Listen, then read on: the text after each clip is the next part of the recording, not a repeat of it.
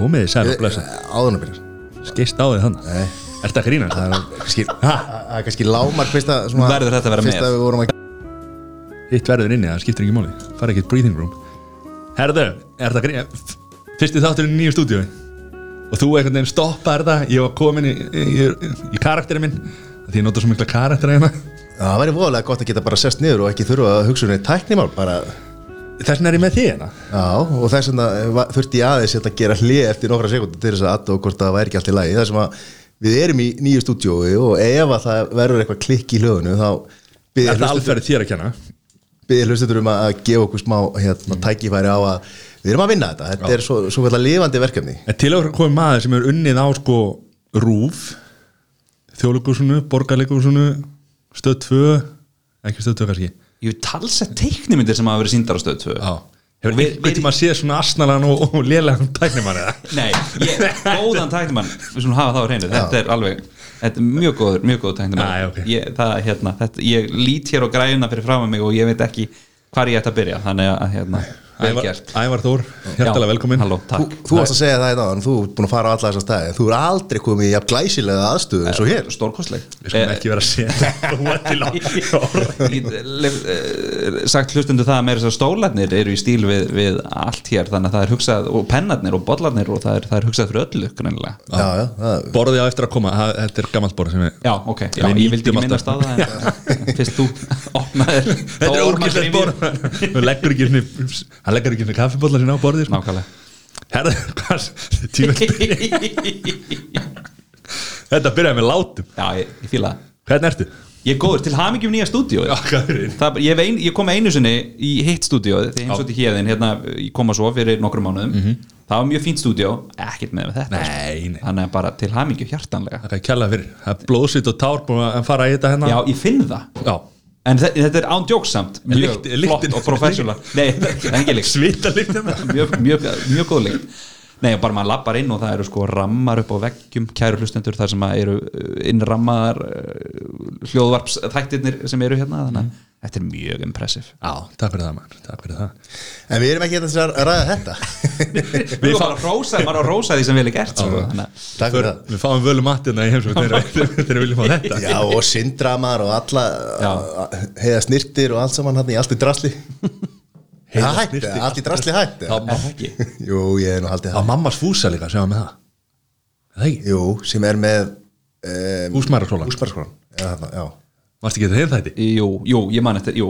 Vinu minn kefti á Akureyri íbúð sem var tekin í gegn í þeim þáttum þú veist, tveimur árum áður eða eitthvað svo leis, hann, ég held hann að fatta eftir að hann kefti að bara var eitthvað flakka býtu þetta er, við búum hérna núna Já, og það er allt í drasli, sátti þáttur er búin að koma inn og reysa allt út En svo nefnilega sko er hérna Þessi þættir hafa náttúrulega Þeir voru djúsaður upp all hressilega sko. Það getur ekki verið að Já, ég hugsa, ég man ég hugsaði á sínum tíma bara að þau hljóta hafa fengið instruksjón um að þið megið ekki þrýfa í mánuð Já. og það hlýtur að vera en þó, samt- vont er það fyrir þig sem býrð þarna? Já, einmitt að. Koma fyrir alþjóð og já, en svo kannski færðu bara geggjað þú veist, það búið að taka húsið þitt í gegn. Var ekki oft, var skipt um innréttingar eða eitthvað svoleiðis líka, eða var þetta bara þrifið, eða munið það?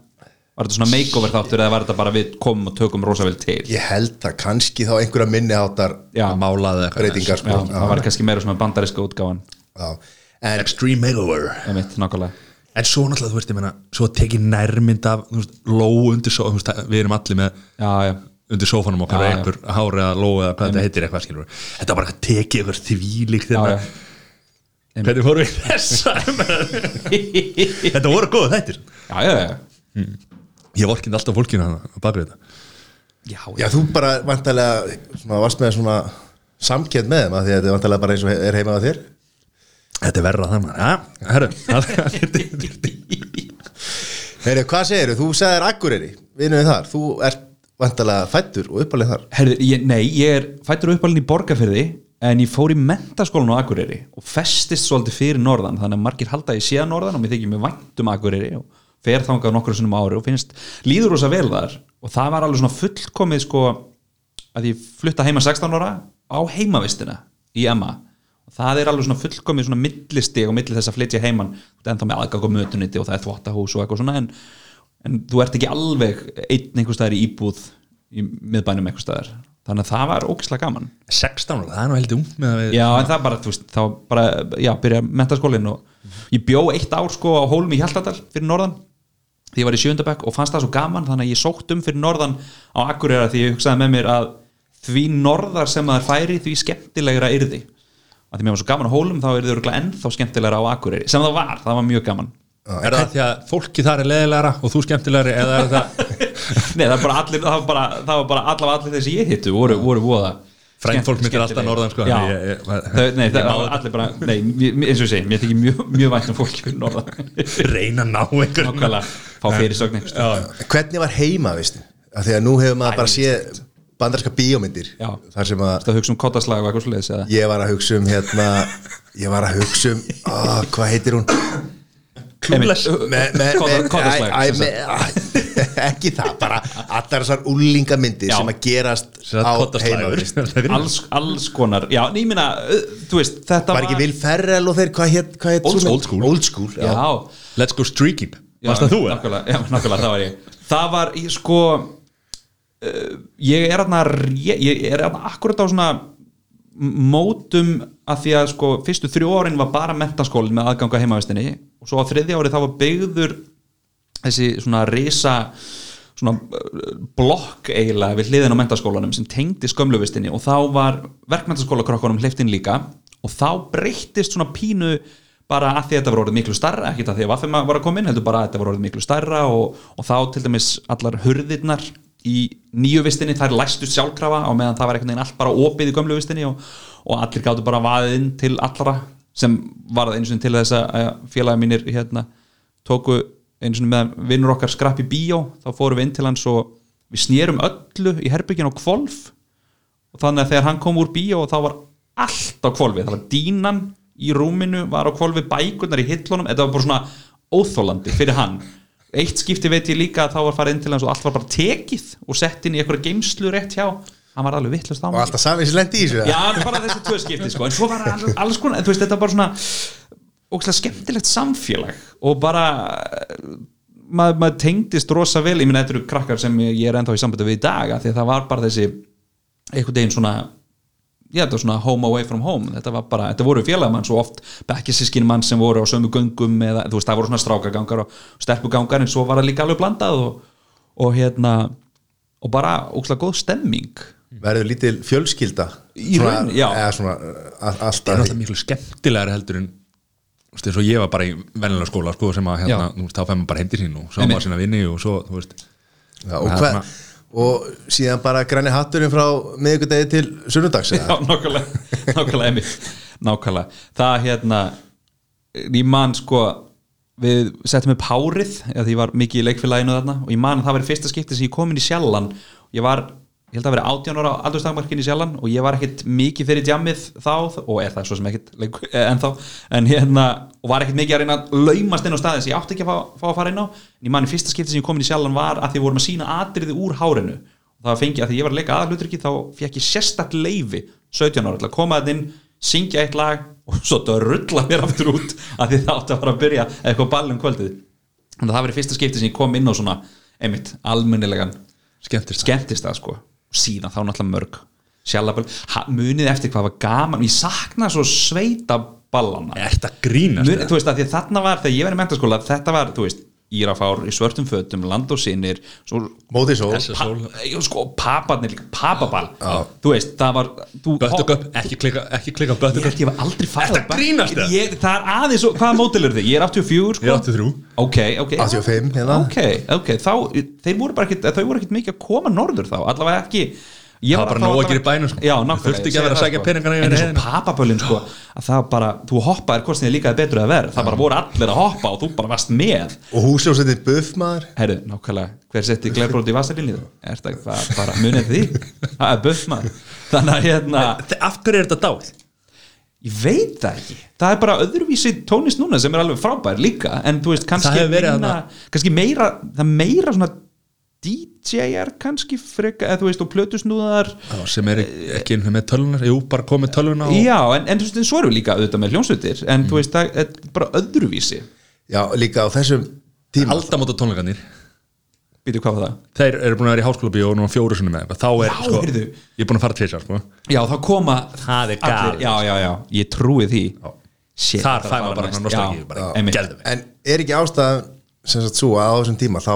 ok, það voru tónleikar í Íslandi að því að það kom einhver með korn eða eitthvað, þú veist, og tónleikar í lögutisvöld svo voru þetta tónleikandir nú erum við með Airways, við erum með hérna, Secret Solstice með miklu meiri tónlistaháttíðir þarna var bara, heyrðu, það er ball þarna brottveiböl og svona, þetta var svona, og sveitaböli náttúrulega, hérna, hreðavaskála og, og alls veist, það er ekkert sami fílingur að fara á spott Nei, nei, á ball. Eins og að fara á, svona, fara á alvöru þú þarft að vera með sko, bland í, í, í flösku sko, kóklösku eða eitthvað svoleið sko, það og, er alltaf að vera áfengið það. En ég er nefnilega að segja það ég nefnilega hef aldrei drukkið sko. þannig ég var alltaf blá eitru á þessum bölum ég var bara, mér erst tónlistin bara alltaf svo skemmtilega sko.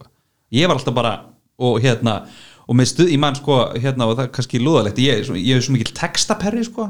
góður texti finnst mér æðislegur þannig að ofta á stöðmannabölunum var maður eitthvað hvernig anskotanum datt en þetta í hug -hmm. og hérna og, og, og þú veist, þannig að ég, mér varst alltaf bara svo geggjað í en mér finnst bara svo geðvegt að sjá live hljómsveit og þess vegna finnst mér svo leiðilegt eins og þegar maður fer á söngleiki og annað slíkt og hljómsveitin er falin einhvers staðar. Ég vil sjá trommaran vera trillast. Ég vil sjá hljóðfæralegarna sáu þið hérna Superstar í hörpu með Eithroninga og, og, og, og hérna og öllum hinnum hérna, og þú er breið fyrir þeim. Það er æðislegt að þeir líka bara hljómsveitin er bara, þú sérð hana bara bara þegar hversu leðilegt er að vera trommari þegar þú ert að vera nýri kjallara og vera tromma þar sko.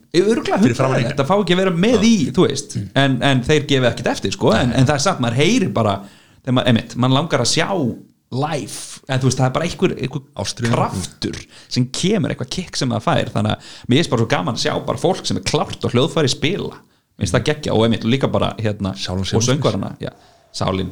En það er alveg rétt þó að hérna, hérna ekki heima með Helga já, eins og einmitt nákvæmlega. algjör snið sko.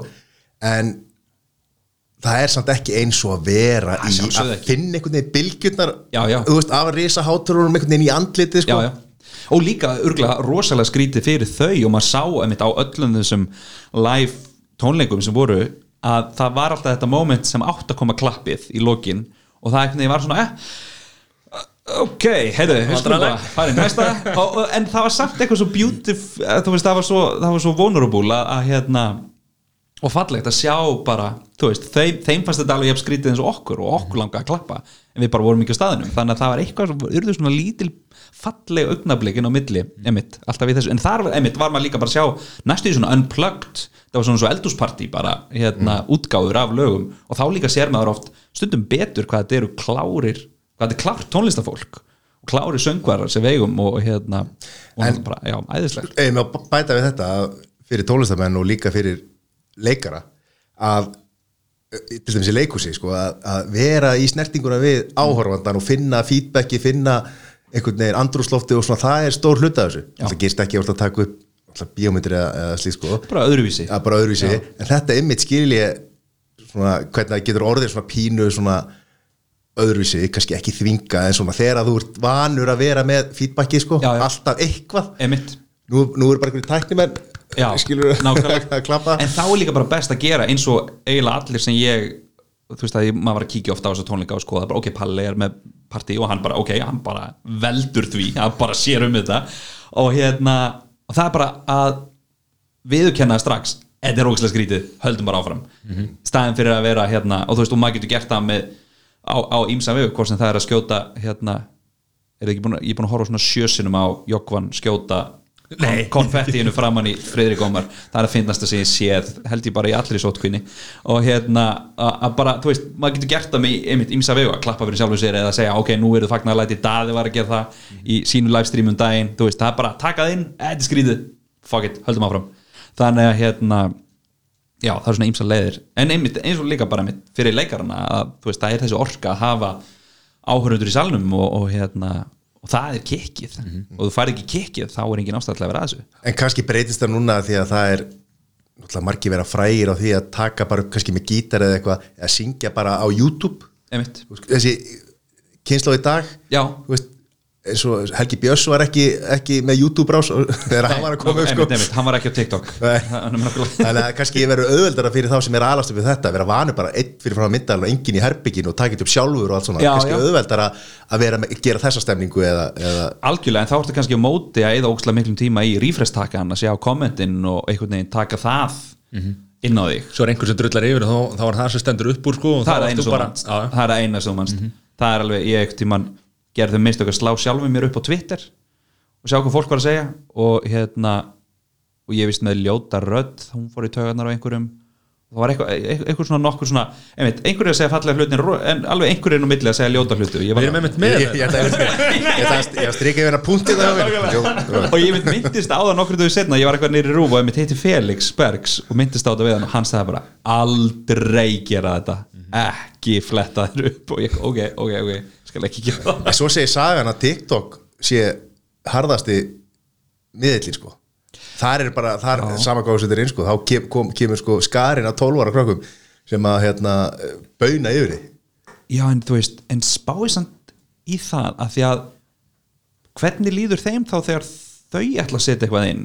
Að því það, þetta er orðið, þú veist að því þú veist, við erum svolítið all, við ölumst upp á, þú veist, svolítið öld kaltæðinar húmórin þá er kaltæðin og vera, vera kaltæðin og, ver- veist, og það er South Park og það er tvíhöfði og, og- Family Guy og allt þetta og Fóstbræður. og allt þetta æðislegt stöf. En þá einhvern veginn, og líka bara þegar ég er í leiklæsaskóla þá er rosa mikið verið að búa til list sem er ógislega kaltæðin og það að vera einlægur er hallarinslegt og, og, og svona hérna og, og bara ekki töff.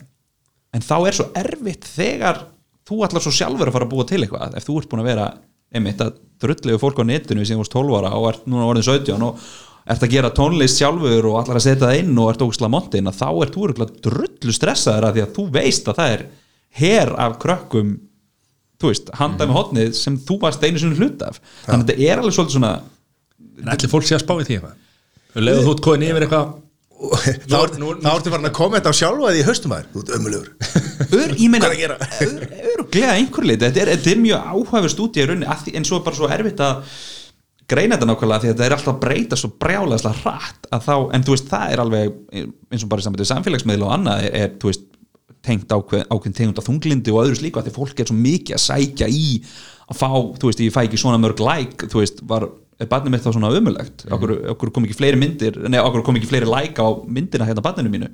Þú veist, á, þetta er ekki nóg gott barn. Eða þú veist, En svo er líka bara, fólk er ef ef það fær ekki hrós fyrir það að bara reyma á skóna sinna á mótnana eða hrós fyrir þú þú ert komin á vinnumarkaðin unga fólki í dag ef það kemur út á vinnumarkaðin fær ekki hrós fyrir að mæti vinnuna sko.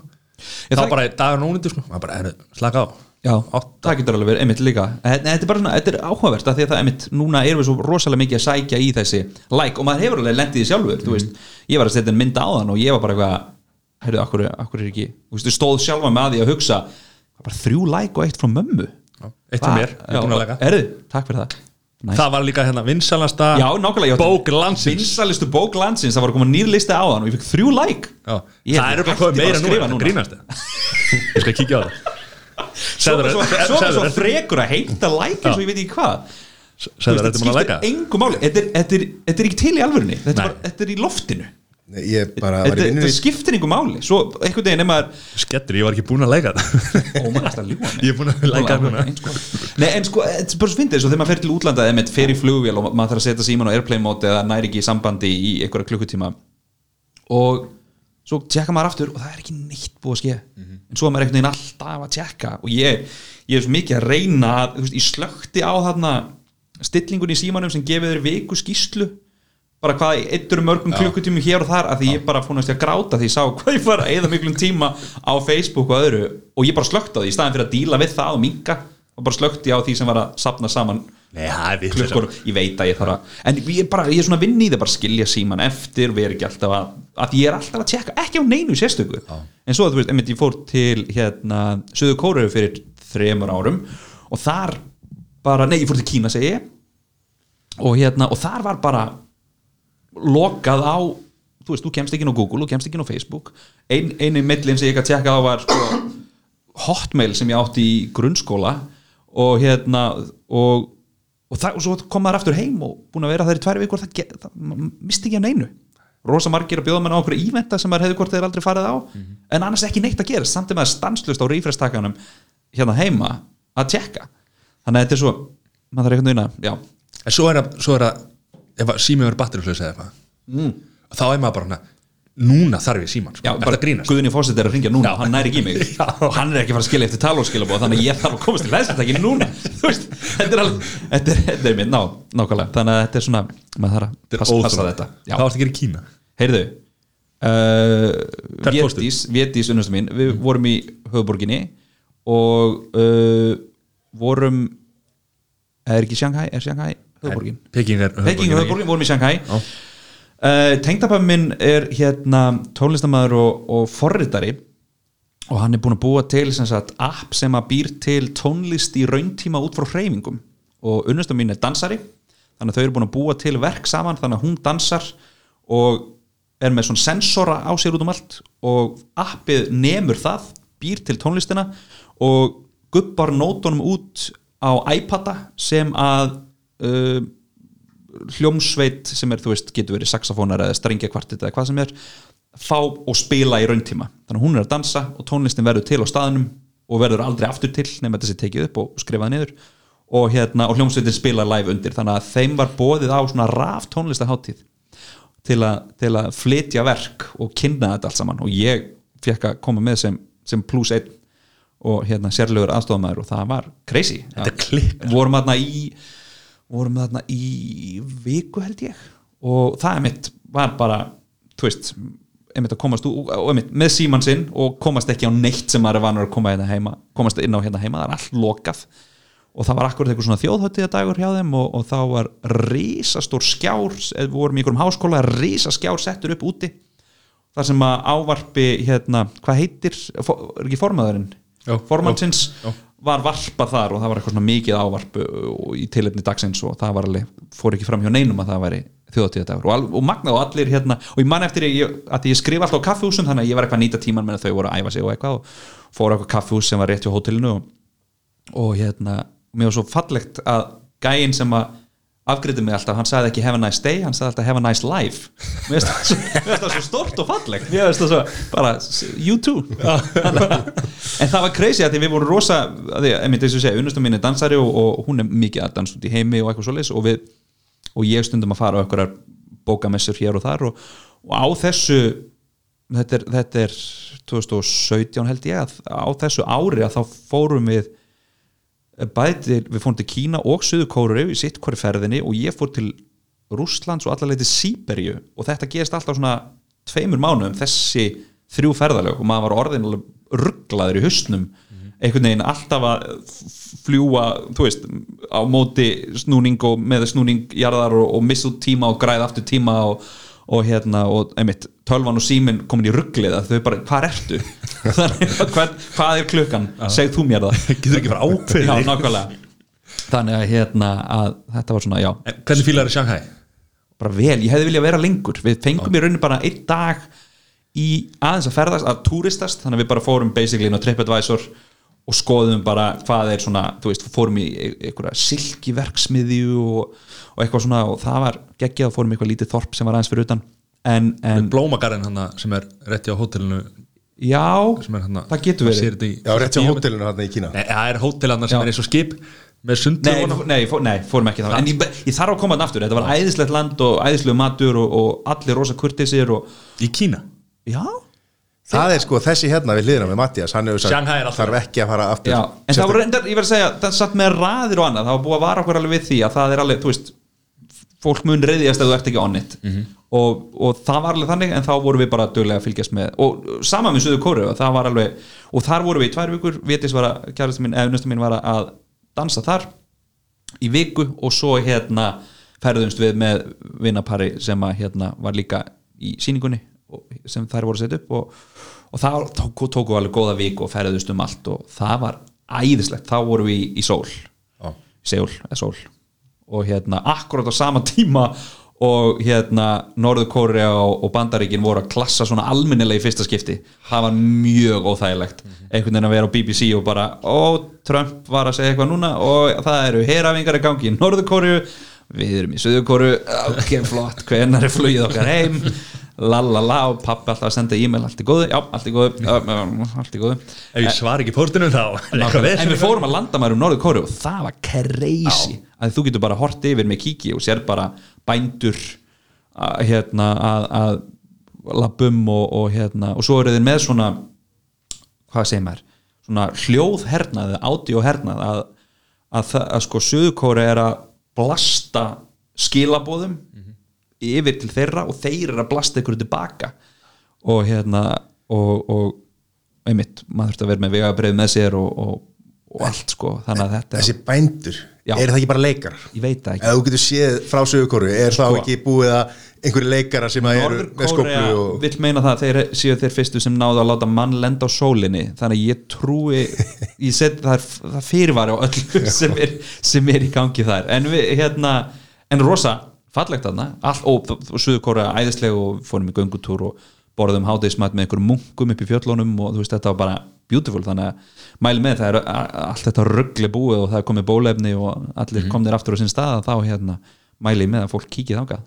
Þegar maður ferðast Suður-Kórea. aftur. Já, En við þurfum að komast í þetta í þetta forrið sem að tengdapæfiðin gerir sko. Heyrðu, og, og, Kalmus heitir Kalmus. það með sé já, í svo forvitin, láta matta dansa. Já, sjá hvort að, að hljómsveitin eða einhver, einhver hljófarleikari gæti spila eitthvað meira en eina nótu sko, af því að hann er svolítið einhafið þegar að kemur að ég er dansa. þetta geggja dansari.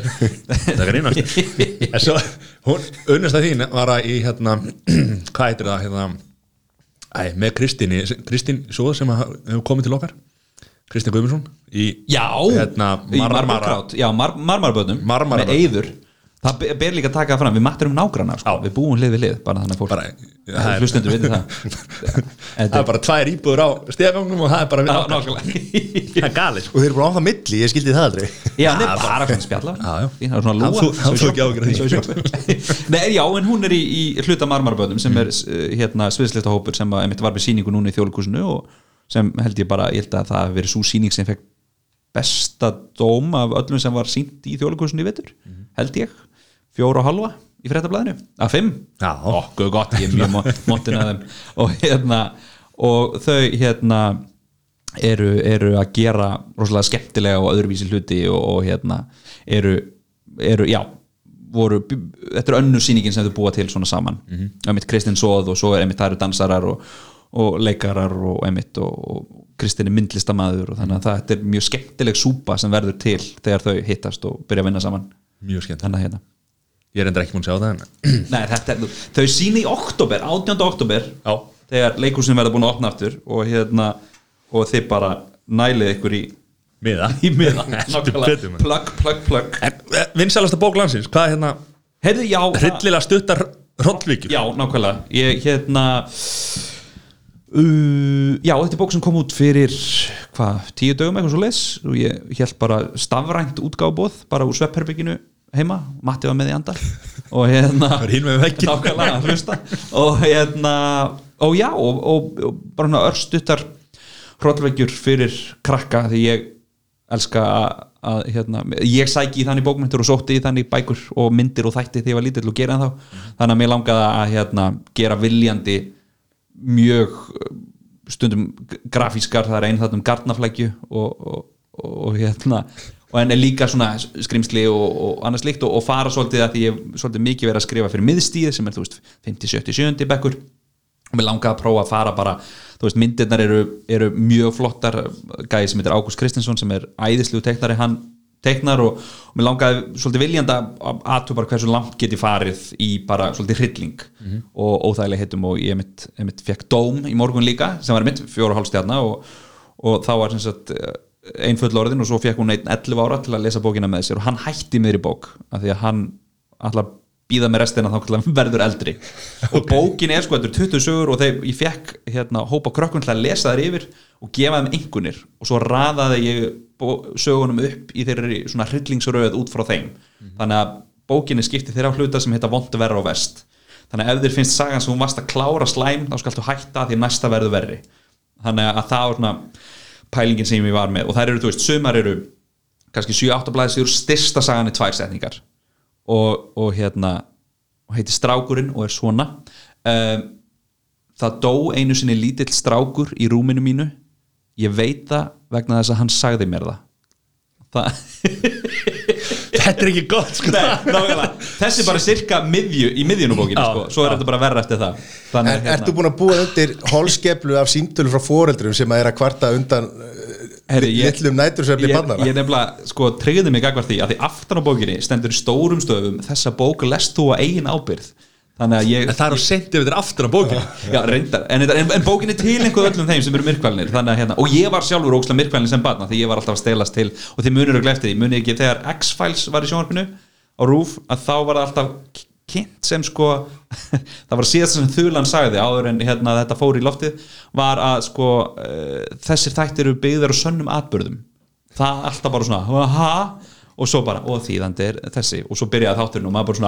það ha er nákvæmlega. en þá andlitið sem ripnar svona í læginu ég get eiginlega ennþá ekki hort á það. En ég var mikill X-Files maður, ég meiri þess að gekk í sko, og þetta er áður en netið kemur gerði þetta gegnum post, ég var meðlumur í X-Files Official Fan Club. Já. Var með mynd, innramað mynd að Moldur og Skully yfir rúminu mínu mörg ár. Að ég stend við það, mér finnst það mjög cool. Ertu að búin að horfa á Ekki nýja X-Files sem Er kom fyrir okkur byr, ég byrjaði á því. Ég tók fyrstu seri, fyrir seríuna svo endist ég í einhverja þrjá fjóra þætti og svo datt ég bara út. Þetta var eitthvað skrítið. Já, þetta var ekki sama stöfið.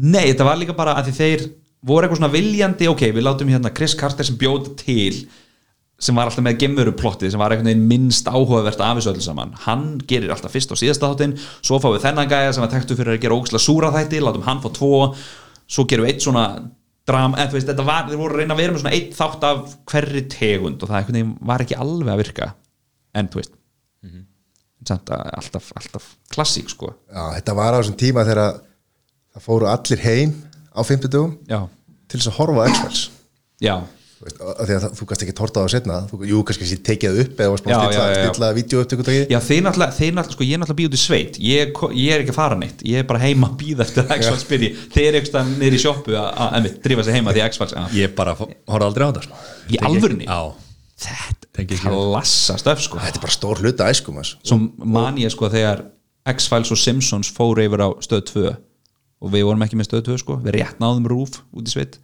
Þannig að það var sorgardagur þegar þessi tveir Mjög góð dag fyrir mig sko. þetta, ég Þarna byrjaði ég að horfa Simpsons til ja, ok, ok, ok. Ég- Mattias, hérna Matti, þú hefur vantalega hort á Baywatch? Já Bara heima að vinni mínum Ha? Ég horfði alltaf ekki heima sko. Ég reyf alltaf eitt takan úr fjárstyrningunni Ég horfi ekki á stöði sko. Bara ég, það, þetta er einhver bara í, í lífinu bara?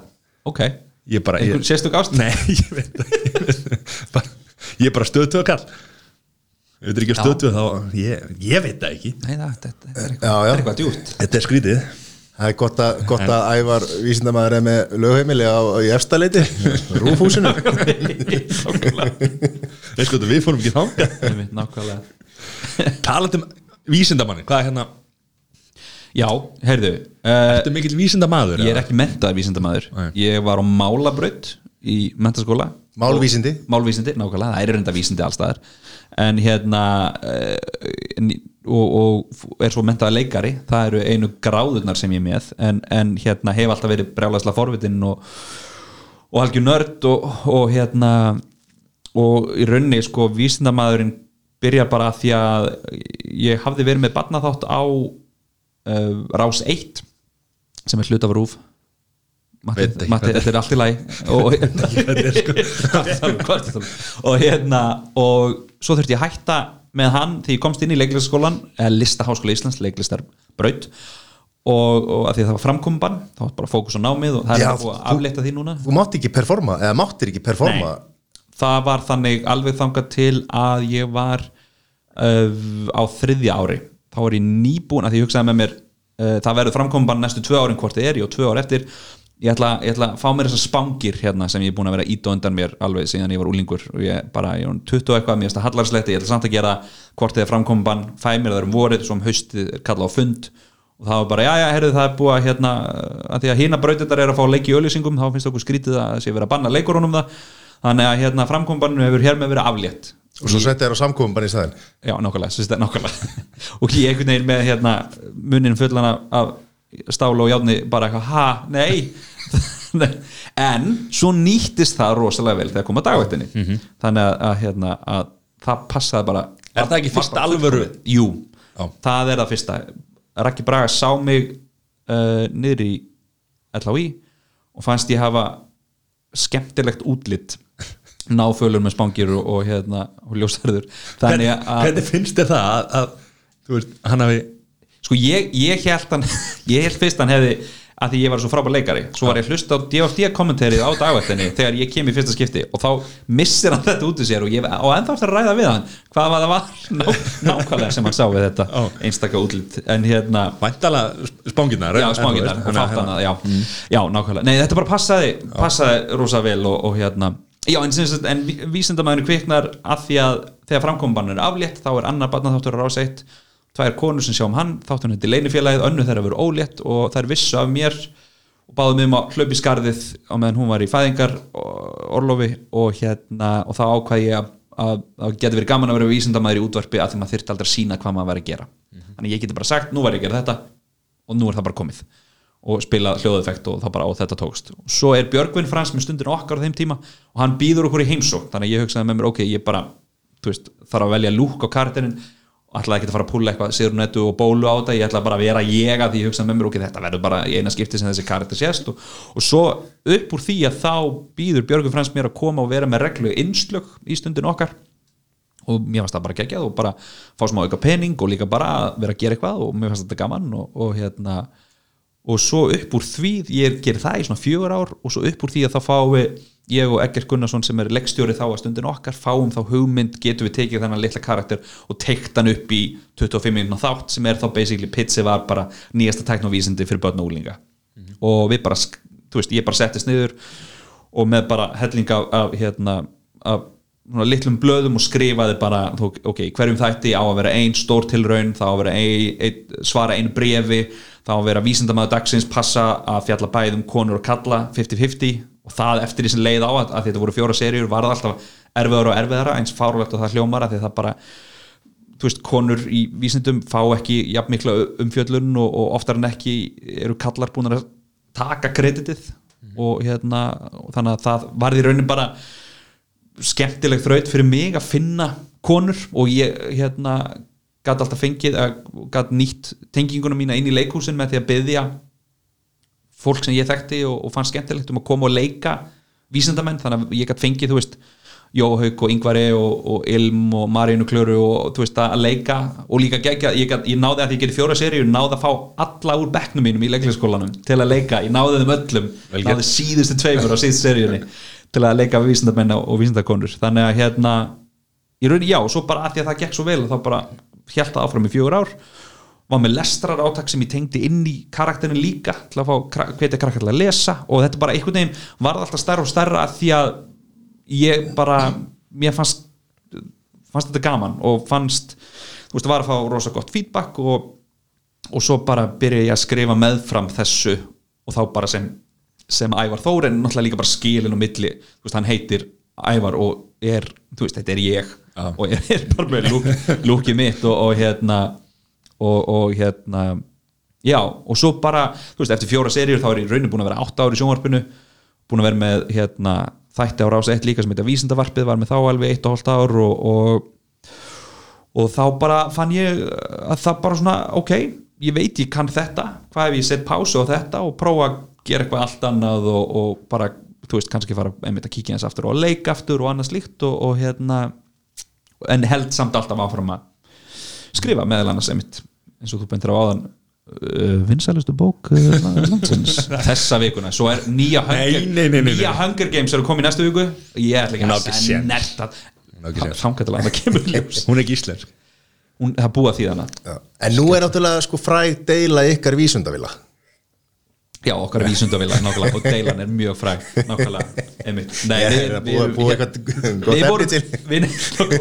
við, við, við vorum sko báður í MA og það er meira sér til mynd af okkur. Hann sko 200.000 naglbítar spiluðu á uh, busaballinu þegar ég var að busa á fjórða ári. Og hérna það er til mynd af okkur að syngja saman. Hérna láttu mig vera.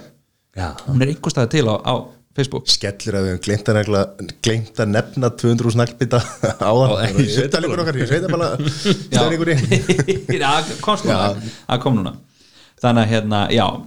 Nei, en, en En hérna, hvernig er að festa nafnið við eitthvað svona Nú ertu bara þekktur oftast bara sem ævar vísindar já, en þú veist, ég var lengi vel bara, þú veist Georg Spjörfræðssonar Já. þú veist, ég var það í einhver ár og nú er ég ægar vísindamaður og ég er hægt og rólega samt að fara bara núna yfir í ævar Þór. Já. þannig að það er allt í lægi það er alveg hægt að vera þetta festist ekki við þig bara alltaf. Ég held ég verði alveg hjá einhverjum ævar vísindamaður forever, sko, en það er alveg hægt að vera eitthvað verra, sko. Betra er það heldur en kærast, kærast í bjarni. Það er samt fínt líka sko. Það alveg, þegar mér var búið það hlutur ég bara, ert að grínast? Já, Já. bara algjörlega, bara hvað skrifa ég undir. Lastu handriti fyrst eða hvernig? Sko þeir ringdu í mig uh, eða semst uh, Hilmar Guðjónsson leikari sem þið þekki kannski, hann þekkir alla og örgulega alla sem er að hlusta hann var með mér í back og hann segir mér sem sagt einn morgunin að Jöri sem að leikur Daniel hann hafi ringt í sig og beðum númerið hjá mér. Og ég eitthvað svona, ok, vissi að nætuvaktin var búinn og vissi að þeir voru að gera meira og fannst nætuvaktin æði og svo ringir hann í mig og, og hérna og spyr hvort, eða hvort að hann lætur Ragga Braga að fá númerið, Raggi ringir í mig og spyr hvort ég geti komið daginn eftir í pröfu Þú sagði nei. Og ég sagði nei, ég er í skóla og hérna og ég byrjaði bara strax að búa til í haustum á mig bara hvað geta verið? Og ég eitthvað ok, þetta er páðið ok, þeir eru ennþá bensinstöðinni og þú veist, kannski er verið að leita að litla bróður jöra eða eitthvað svoleiðis og kannski hann, fær hann vinnu þarna eitthvað, bla, eitthvað hérna svo bara pizzaður á mig í rauninni þetta, scenario að bara að hérna ég og Jóngnar erum þarna einhvers konar par eða allavega mjög góðir vinnir og, og, og Ólafur Ragnar er ekki hress með það og, og alls konar hugmyndir sem þeir eru með og, ég segi náttúrulega bara já á staðinum og, þeir, þeir í rauninni voru, bara buðu mér hlutverki eftir það. Við tókum bara spjall í svona hálftíma, klukkutíma og ég líka bara sagði þeim hvað mér þætti hérna nætuvættin frábær og bara er þið heiður síndur að fá að vera með og, og þeir voru bara lítu hver á annan og voru já, er það ekki bara? Jú, og voru það allir, semst, Raki Braga og, og Jón Gnar og Pétur og, og Jöri og svo Jóhann Ævar sem var líka að skrifa og svo bara, heyrðu, við hittumst á laugardaginn og fyrir að spinna og ég eitthvað, ha? Og, hérna, og þá er basically ég í spuna á móti þeim og ég man var alltaf hvað karakterin minn heitir og meðan þeir eru búin að lifa í sínum karakterum í skiluru tvö ár eða eitthvað og það var alltaf að vita hvernig senan myndi byrja og hvar hún ætti að enda en við spunnum, þú veist, tókum kannski 2-3 rönn, það var bara tekið upp vorum bara í einhverju herbyggi og það var bara ok, við þurfum að enda á því að Pétur stormar út, en hvernig við komumst ángað ok, prófum hitt og þetta. Og svo vinna þeir handrit upp úr þeim spuna. Og það var bara brjálæðislega töff og ógislega gaman og þeir allir svaka næs og og bara, þú veist, eftir smástund hætti maður að vera stressaður og, og, og hérna og ég fór bara að reyna að búa til þú veist, einhverja, einhverja típu. Og svo náttúrulega liðu einhverjir þú veist, einhverjir mánuði, eða þú veist, tveir mánuðir eitthvað svo leys, áður en við fórum í tökur og, og á þeim tíma þá bjóð ég til MySpace fyrir karakterinn og hérna fór að blogga sem karakterinn, ég fann dagbók um daginn því ég var að taka til sem ég það hefði verið að skrifa sem karakterinn. Ég gerði mixdisk handa Jónu Gnar og senda honum, þeir hlustuð á hann einhvern tíma þegar og það var eitthvað svona, það er bara þú og eitthvað svona alls konar svona lög. samt eitthvað svona, minni með Backstreet Boys og eitthvað enn á milli, þannig að bara alls konar svona sem maður var að gera til að reyna einhvern veginn að- koma, já, komast í karakterinn og svoleiðis. Og svo bara, þú veist, mætti maður og, og þá voru þau bara í miðjum tökum og búin að vera að taka upp í eitthvað tíma og, og bara ókvæslega gaman, allir rosa næs og maður náttúrulega bara í, þú veist allt, allt saman flottir listamenn og öllum póstum sem að, já, og líka stærsta projekt á sínum tíma á Íslandi. geggjað. Geggjað projekt. Og líka bara, þú veist sem Rúf sagði neyfið, skilur við, Rúf sagði neyfið nætuvættinni Þetta er ástæðan fyrir ég. Annars verður maður ekki búin að sjá neina vaktir. Og fósbræður já, Stötu. já, einmitt, nei en þetta var bara brjálæðislega gaman og, og hérna, og ég var náttúrulega bara ennþá í skólanum á þessum tíma og Það er alltaf þvílíkt sko. Ja, þetta var æðislega Döpp maður að koma hérna já, það var mjög gaman og bara, og, hérna, og ég hafði ekki séð þetta í tíu ár fyrir en bara núna um daginn þá var að vera endur sína dæmitt á stötu og svona datt maður inn í einu og einu senu og það var bara ógstlega gaman að sjá þetta og svo fann ég disk um daginn geisladisk að því ég var mjög dugli, ég var með stafræna myndavel með mér og var rosa duglegur að taka myndir.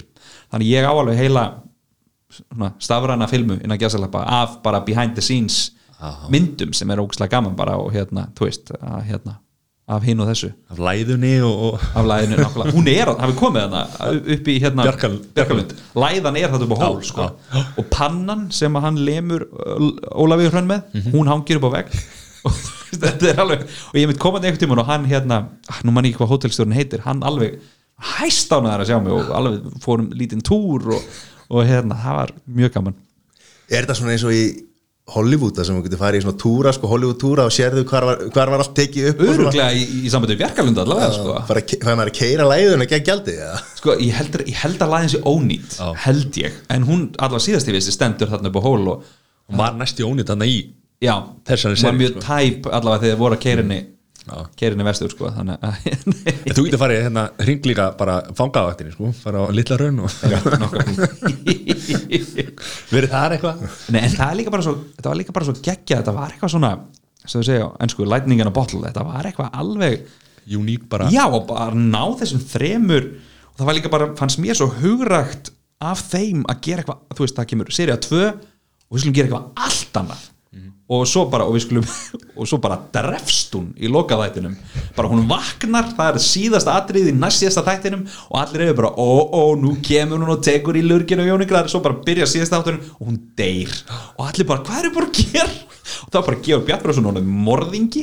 Og það er bara að þóra að fara þú veist, að við skildum ekki taka fjóra seríur bara á bensinstöðinni, að við skildum að þeir skildu þóra að sprengja þann ramma og vera bara ok, við erum búin að gera æðislega seríu hér förum eitthvað annað, svo skulum við sprengja það og fara eitthvað allt annað og svo skulum við endið á bíómyndinni. Mm -hmm. mér finnst bara svo hugrægt að, að þóra að hérna, að gera það. Gussi var náttúrulega frábær karakter í, í nætuvættinni já, já, Svo var þetta Einmitt, já, alveg rétt. Þetta var selt eitthvað út og á, síðan, sko, voru eitthvað fréttir á þetta að gera ameríska útgáfu, bara alveg Já. nýja leikarar og allt saman. Það kom sko norsk útgáfa mann ég, sem var nætuvaktin hún er til eitthvað þar, ég held að það sé bara nættuvaktin eða eitthvað svo leiðis, ég man eftir eftir að það kom svo leiðis ég veit ekki meira, maður sér svona mitt að dúkkar upp hann á milli mitt að það sé búið að selja réttin eitthvert út en, en svo en er ekki eiginlega eina myndir svona sem hefur verið gerð þá það var, hérna Balti hérna var með hérna, kontraband. er það ekki eina Heyrðu, sem að það var verið að endurgera hrúta Já, Ástralíu, það var að koma trailer. Sam Neill er að leika, ég veit ekki hvort hann er að leika Sigga Sigurjóns eða, eða Tetta Júl Já. hann leikur annað þeirra, það er bara geggjað. Mhm. og þá gerir, eða hvort það sé nýja sjálf það er, það er annað hvort landi sem er að endurgera. Já, Örgulega nýja sjálfandi, erum við ekki alltaf að borða ný, ný, nýsjálfæst já, lamp. Einmitt, nákvæmlega, já, það er einmitt. Þeir vilja bara þeir vilja ekki bara stela hérna íslenska lambinu þeir vilja stela bí bíómyndunum okkar líka. Við erum ekki að tala við erum ekki að tala vel um nýja sjálf Já, það var alltaf að tala um að það eru búin að selja réttin uh, þá, þá hugsaðlega nætuvættinni til bandaríkjana Já. Brad Pitt sem Georg Bjartararsson, hefði það virkað nei Brian Cranston hefði nú hugsaðlega getað verið frábær, já, hann er mikill hérna, karakterleikari. Já. Einmitt, það er er frábær. Já. en það er oft verið að, eins og segir það er oft verið að selja sko, til Hollywood en svo er ekkert gert við þetta. Þeir bara kaupa fullt af handriðum og svo bara Já, þetta menn, það er oft líka bara hérna heima. Maður sér oft, þú veist, í jólavertíðinni með bækurnar bara, já, þjóðleikus er búið að kaupa réttina á þessari bók, svo gerist ekkert. Og þú veist, þetta er bara e, bara passa engin annar nái og svo kannski gengur það ekki upp eða eitthvað svo leið sko, þannig að þetta er, þetta er galið. Þetta er galið. Hvað er hérna Bransinn. sko, þú ert svo hugmyndi rýpur er þetta já, hvað er þetta búin að gera margar bækur 21, 21 bók, já. Leikrit. Heyrðu sem búið sko, ég er búin að gera tvö útvarsleikrit sem voru á, sem voru á, á rás 1 og uh, tvö verk sem voru í þjóðleikúsinu svo hef ég skrifað svona eitthvað lítið sem hefur ekki verið sett upp en þú veist þessi tvö leikrit í þjóðleikusinu það er hérna, það er náttúrulega margar útgafur af Já, þetta eru áhörundur fá að kjósa þetta er eins og bækurnar, þetta er þitt eilegrit og meira þess að þegar þetta COVID-dæmi er allt saman búið þá, við vorum nýbúin að frumsýna vorum búin að sína í mánuð, þitt eilegrit 2 og búið að ganga rosa vel og svo bara náttúrulega öllu læst af hverju læstist? Hæ? Hvað gerist Er læstist ok? Matti, sestu, þá nú vísið til þess að fara aðeins yfir eh, COVID-19 Ok, heyrðu, ok var þetta eitthvað á rúfið? Þú varst bara að horfa, horfa hérna, endursýningur og frends hann, mistaði á þrjú. framkoma og eitthvað svona hann mistaði öllu fundunum þeir voru Útverfara bylgjunni, ég náði þeim. Já, já, Nei, sko, að því að kúlan er svo lítil, við vorum sín í kúlunni sem er barnalegur stöðuleikursins og það komast hundra með þessi sæti en hún er svo nálaðin er svo rosalega mikil þannig að sérstaklega einmitt í þessu dæmi öllu saman þá náttúrulega bara er ekkert hægt að vera Það sýna voru ekki öll leikrit Jú, það var bara öllu, öllu lokað. Og hérna og þannig að það og taka það verk aftur upp í ágúst skils mér en þú veist, svo þurfum við að sjá bara hvort að hérna, kemur önnur bylgja eða hvað það er og hvort að það breytist allt saman en, en það er semst fjastýringar í hverju einasta sæti og reglulega þá stoppar sýningin og áhörnut að fá að kjósa hvað gerist. Og það er engin spuni bara að ég er búin að skrifa ótal anga og svo bara þurfa leikarinnar að kunna þá alla. Svona eins og, hvað heit, heit, heit Bandisnett? bandisnett, já, nákvæmlega. Hvernig er að hugsa svona? Það getur verið svolítið flókið að því að ef þér dettur í hug æðisleg leið öðrum megin þá þarftu að vera með jafn góða ef ekki betri hinum megin. Og það hefur stundum gert sérstaklega í bókunum mínum að ég hef verið með geðveika leið hægra megin eða þú veist og svo þegar þú átt að fara til vinstira þá veit ég ekkert hvað ég gera. En þá, það oft samt er gott þetta er eins og pínu að þingja lóðin og þau eru næstuð og þung.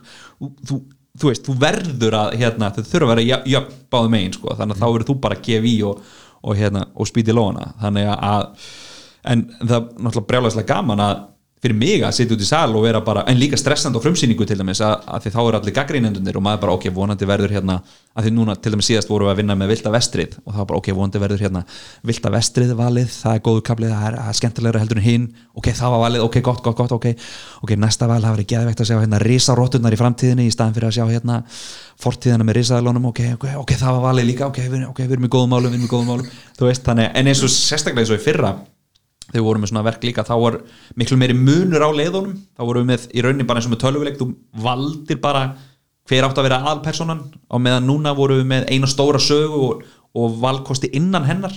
Já. að þá voru, þú veist, eins og gaggreindu frá mokkanum kom tvis var sömu helgina og fikk alveg sitt hvora sýninguna sem var ógslag gaman. Og það var svona það sem við vorum að vinna með. En á móti koma við fengum jafn langan tíma til að æfa það sem var basically þrjú leikrit. Þannig að við vorum alveg undir lokin bara að- renna á raskatið með að bara ná að æfa þetta allt saman.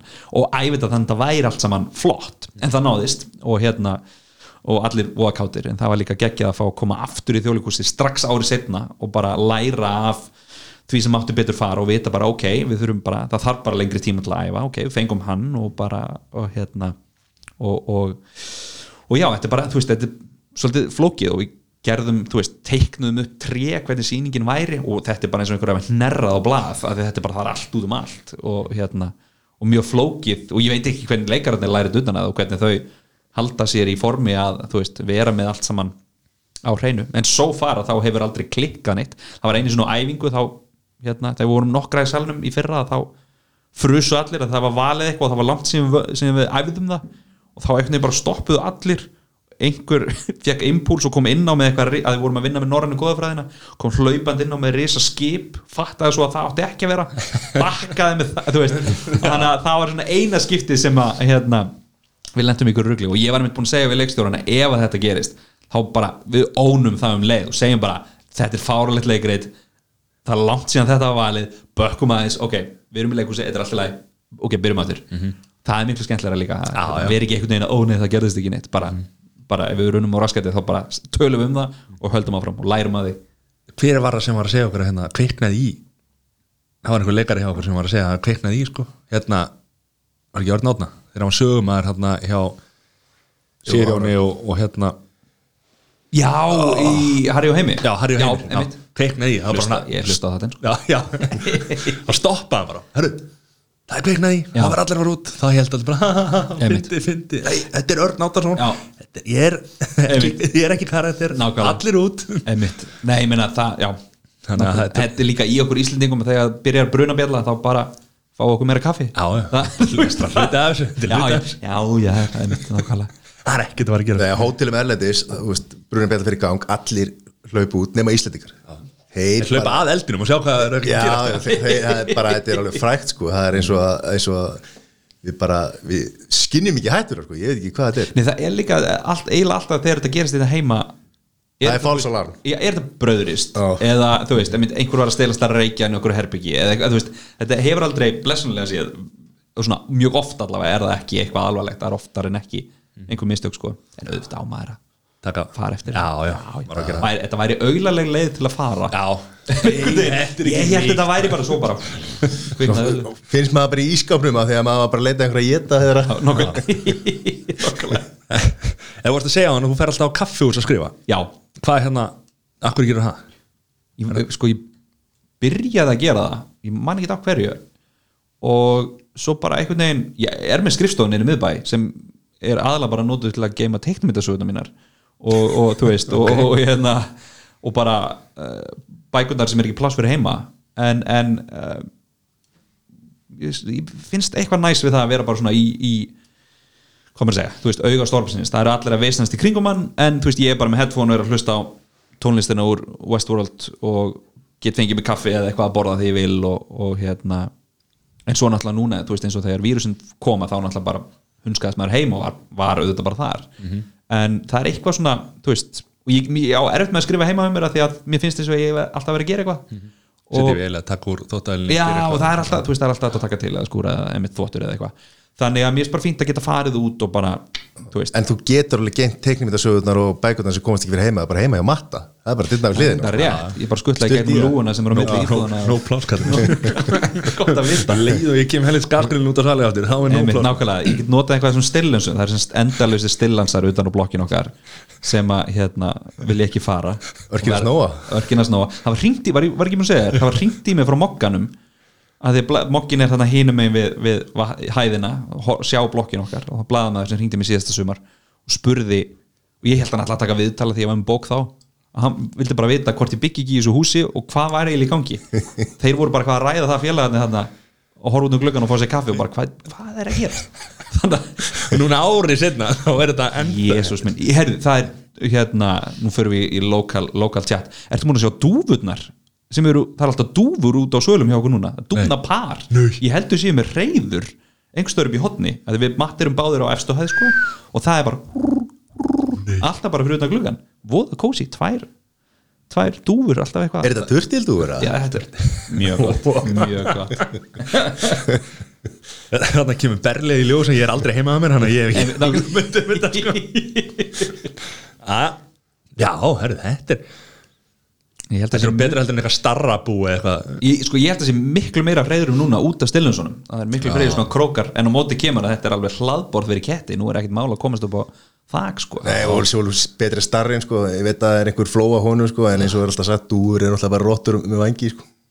hef ég sagt þetta? Nei, það er alltaf en sagt. það er, sagt, já, en það er, en það er gera svona úr, og það er svo næst sko, þegar maður er að hýta kaffa er dúfur rottu með vangi? Já, er ekki hérna það er ekki svolítið svona sjúkdómar. Já, er ekki mávar? Mávar, Já. það er Nei, rottu með dúur vangi líka, ég fær til Amsterdam að dúu þetta það maður, það er bara mega vissin sko. það er eitt strák sem það ekki sem er skítrættu við dúr þetta er mjög fyndið að vera með hann erlendis. Hann er ángríns skítrættur sko. Hvað- gerðist eitthvað? Ég er bara, hann veit ekki henni sjálf sko. hann er bara, hann er sko mjög djúft sko. ó, vá, ok, mjög fyndið þetta er emitt Hann hefur séð Benjamin dúu í æsku og eitthvað fengið fengið hérna eitthvað slag það geti verið, geti verið. Það, en- en, en förum aftur að þessu, þessu hugmyndaflugi og, og hvað, þessa hu- hugmyndi hvað, hvað kemur þetta? Heyrðu, ég bara, þú veist, var algjör bókármur þegar ég var lítill og, og horfði ókslega mikið á sjónvarp og bíó og, og hérna og hef, hef alltaf bara þótt ókslega gaman að segja sögur og finnst það ókslega spennandi og, og hérna og að því að bara, þú veist það sem ég horfði á og var að lesa þegar ég var lítill hafði svo mikil áhrif á mig að þá langaði mig einhvern veginn þegar ég var stærri að vera svo típa líka þú veist eins og maður við Ólu Störgla allir upp við að kannski ekki matti að þegar hann horfði ekki á horfði ekki á rúf að, hérna Gunn og Felix með stundin okkar og, og hérna og, og, og, og hérna einmitt Benjamin Dúfa og Gæsahúð og Bert og allar þessar Já, þú veist. það er að Bert, varstu, varstu í fimm fræknu eða? Heyrðu, já, já, já, já, já, já, algjörlega. En ég var líka, sko, ég var svo mikið, ég var svo, svo mikið í Bert að þegar ég fekk að vita það þegar ég var í fimmtabekk að ég, ég ætti að fá gleru fannst mér að geggjað. Að því að þú veist, hann var ljósærður, ég var ljósærður hann var með gleru, nú átti ég að fá gleru hann var asnælegur, ég var asnælegur þú veist, þetta, nú voru við bara sami gæðin, sko, mér fannst það geggjað briljant En hvernig var í, í borgarfyrirnum, var ekkert mála nálgast bæði bækur og bara bókasafni í Borgarnesi. Það, Já, var- var, svolítið það sko. ekki- bara farið einu í viku og, og hérna og, og ég yngri bróður sem er þreymur árum yngri ég og við erum- mjög líkir með þetta að gera.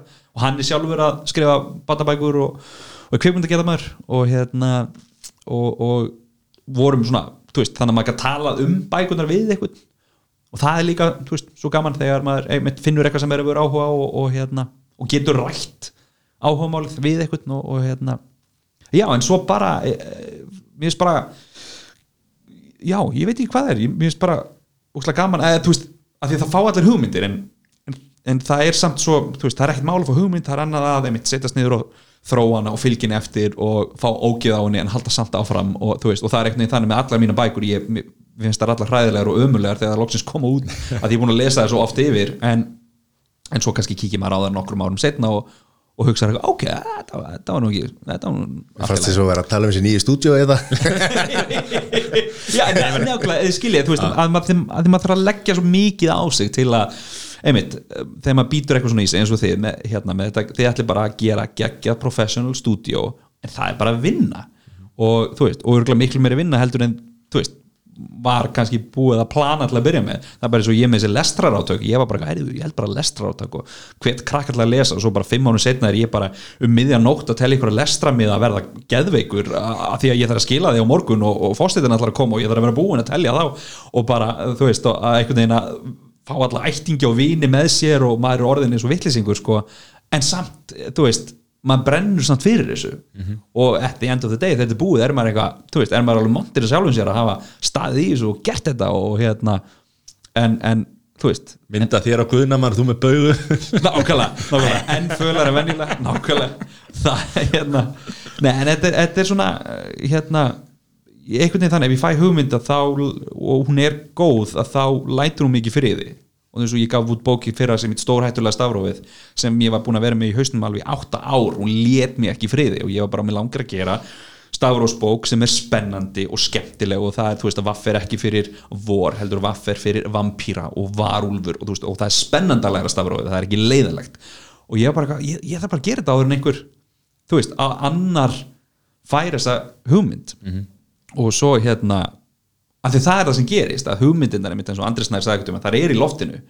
Og svo er bara, þú veist, það er einhver annar með sömu hugmynd og þú, en þú bara þarft að vera á undan að ná henni og íta henni af stað og láta vita að hún sé komin af stað áður en einhver annar tekur henni og byrjar að hérna, og, þá getur þú eiginlega, en þú veist, þá er eins og þú sitt að herma og maður vill ekki vera að herma.